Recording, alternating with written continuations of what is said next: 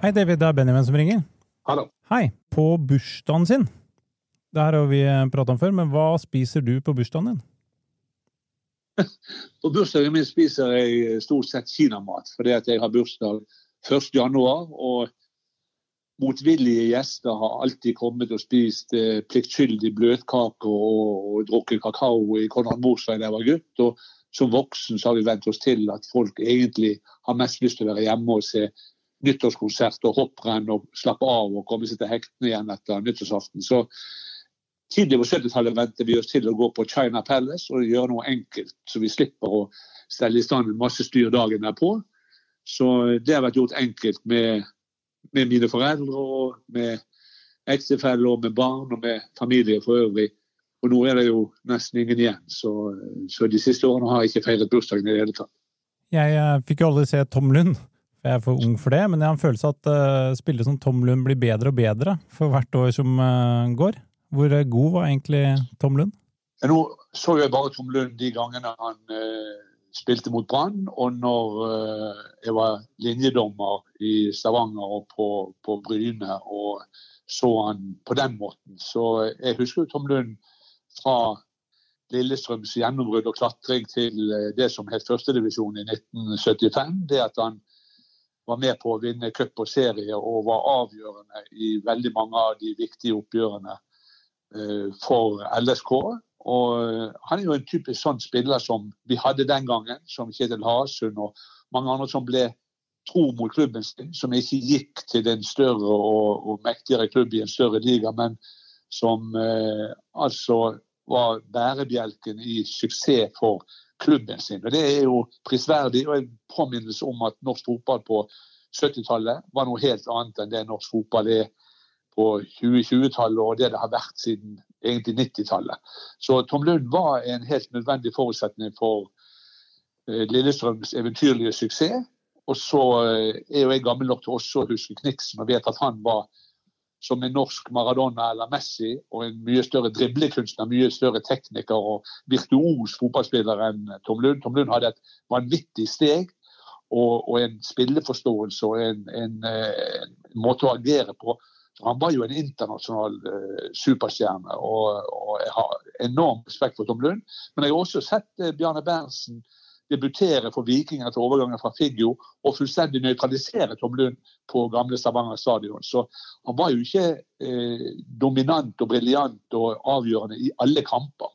Men i det store og det hele var han glitrende for Lillestrøm, og god også for det norske, det norske landslaget. Så han er en selvfølgelig en tidløs superstjerne, selv om han må finne seg i å være i skyggen av Kniksen, som Harald Berg og, og alle de andre. For meg så virker det veldig eh, nesten litt stressende å være Brann-supporter. Det er mye opp og ned. Hvordan er det, hvordan er det å være Brann-supporter? Det er vel å være som bergenser. Eh, det er mange ting folk eh, godter seg over og ler av og gjør narr av utenfor byens grenser. Og så er det deilig å tilhøre klanen og være en del av dette unike fellesskapet. Med våre tradisjoner, med vår kultur, med vår historie og med våre institusjoner. Brann er en evig såpeopera. Det første jeg husker er et cuptap for Greåker etter at spillerne hadde vært på Fløy-restauranten lørdag kveld. Og så har liksom vært, det har vært cuptap for, for Sagene, som er, det er vel en, en, trikkeholdeplass i Oslo. Det har vært cuptap for for uh, Raufoss og Vidar når Brann har vært regjerende mester og spilt hjemme i 77 og, og 83. Jeg har altså opplevd tre seriegull, fem seriesølv, fire bronsemedaljer. Det er et dusin medaljer i min korte levetid. Og jeg har vært på Ullevål tolv ganger. Ti kamper, to ganger med omkamp. Og sett Brann vinne fire av de ti cupfinalene. Så det har jo vært høye fjell og dype daler. Nedrykk i, i 64 år etter at de tok gull. Nedrykk igjen i, i 79, 81, 83, 85. Og så da disse famøse årene 2014 og 2021. Så å være Brann-tilhenger er å være bergenser. Vi lever med oppturene, vi lever med den pompøse eh, cupfinalejubelen og, og selvhøytideligheten og det britiske lynnet. Og så lever vi med at vi blir ydmyket og, og herset med av Mjøndalen og av klubber som kommer fra mindre byer og har mindre budsjetter og egentlig dårligere naturforutsetninger for å lykkes. Men eh, Brann er Brann og et speilbilde av Bergen. Og Bergen er eh, krangel på nasjonale scene, uenighet i bystyret om hvor Bybanen skal gå, og, og buekorps og Fløibanen og utsikt fra Ulriken. Bergen er en fantastisk by med enorme svingninger og med enorme, enormt temperament og engasjement og lidenskap. Og så eh, går det av og til utforbakke og blir eh, skuffelser og tilbakeslag. Og vi, vi har en porsjon selvironi som ikke alle ser. Og folk, eh, Vi er lette å gjøre narr av eh, når vi blir sett på utenfra. Men vi har det gøy med hverandre, og vi, vi, elsker byen. Vi elsker det vi har sammen her mellom de syv fjell. Og i drabantbyene på andre siden av tunnelene. Ifølge meg så er noe av det beste som er på internett, er du som lager mat. Kommer vi noen gang til å få tilbake de videoene hvor du lager mat og legger du på Twitter? Nei, nå, nå, har jeg vist de uh, få rettene en uh, Nå har jeg vært uh, aleneboer i 26 år. Og jeg har lært meg å gjøre noen enkle grep med boiling bags og med uh, Idaho-poteter sammen med kyllingbryst i, i stekepann. Så det var rett og slett en, en uh, kvinne hos uh, søstrene Hagelin, eller Madam Bergen, som fiskemannforretningen heter nå, som sa til meg ikke kok poteter og spis fiskekaker. Steik brokkoli og gulrøtter med fiskekakene. og Så spiser du det uten poteter. Det er litt annerledes, litt gøy. Så tar du med gjerne paprika eller noe annet ved siden av. Så skulle jeg spørre eh, min datter hvordan steiker jeg brokkoli? Hvordan eh, tar du det Tar du de fra hverandre i sånne roser, sånn som du river fra hverandre en blomkål? Eller skjærer du det opp? Så det blir jo helt sånn pulverisert. Eller hvis du, hvis du først deler opp en brokkoli. Så jeg skulle sende henne en video av denne prosessen. Og så la jeg han ut på Instagram istedenfor å sende Litt sånn som han markedssjefen i Vipers, som trodde han snakket til én, og så lå det plutselig tilgjengelig for alle.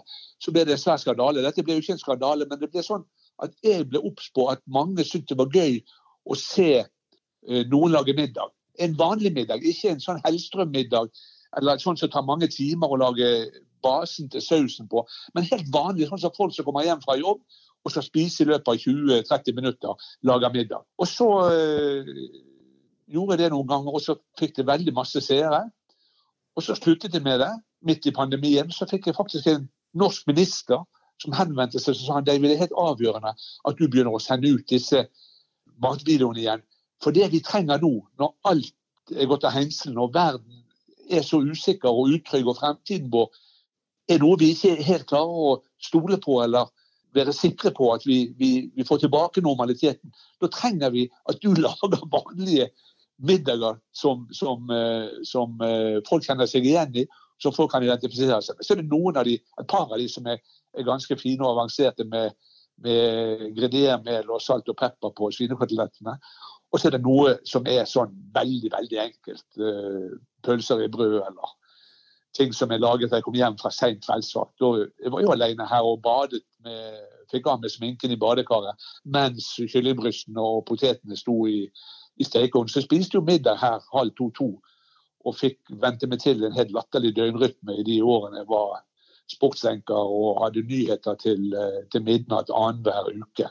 Så det er bakgrunnen. Og det er ikke flere retter å trylle frem. og Jeg er ingen kokk og ingen som har noen egne ideer. Det er helt folkelig, gjennomsnittlig, hverdagslig eh, kost som alle mennesker kan kjøpe i hui og hast på vei hjem, og smekke sammen på 20-30 minutter.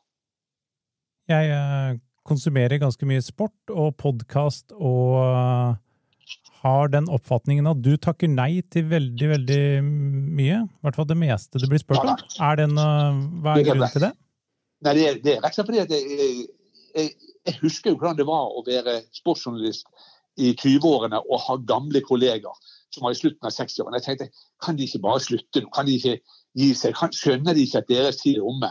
Og jeg er veldig bevisst på at min tid er omme, og hva det egentlig 10-15 år siden. At, at, min form og min stil og min måte å, å, referere på ikke duger lenger. Nå er det helt andre mekanismer, helt andre mål med virksomheten enn det jeg var med på. Så, så min form og min tid er omme.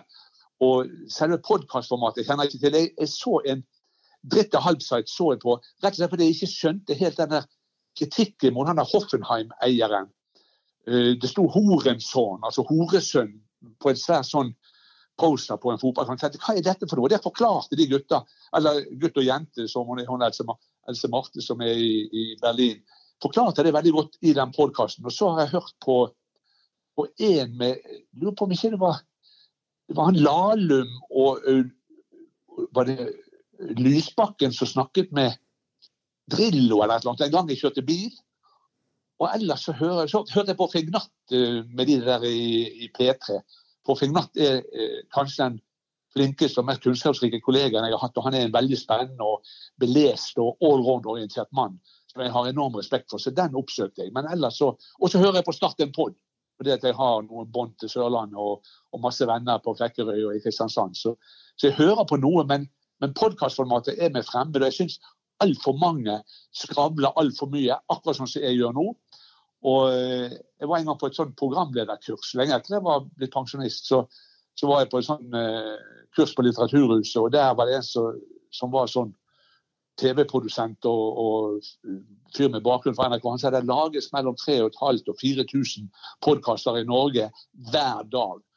Og bare et lite mindretall har lyttere. Så, så det er en det er en form og en plattform jeg, jeg, ikke har vent meg til. eller ikke. Jeg burde jo høre på det, men når jeg går ut i naturen, så hører jeg ikke verken på musikk eller podkaster. Da hører jeg på fuglesang og, og, og eh, bekkesildring, og ikke på, på, ting som jeg har på øret. Jeg tør ikke, for det er så gammel og tutlete. Så selv i, å gå i byen og i trafikk, så tør jeg ikke gå med noe på ørene.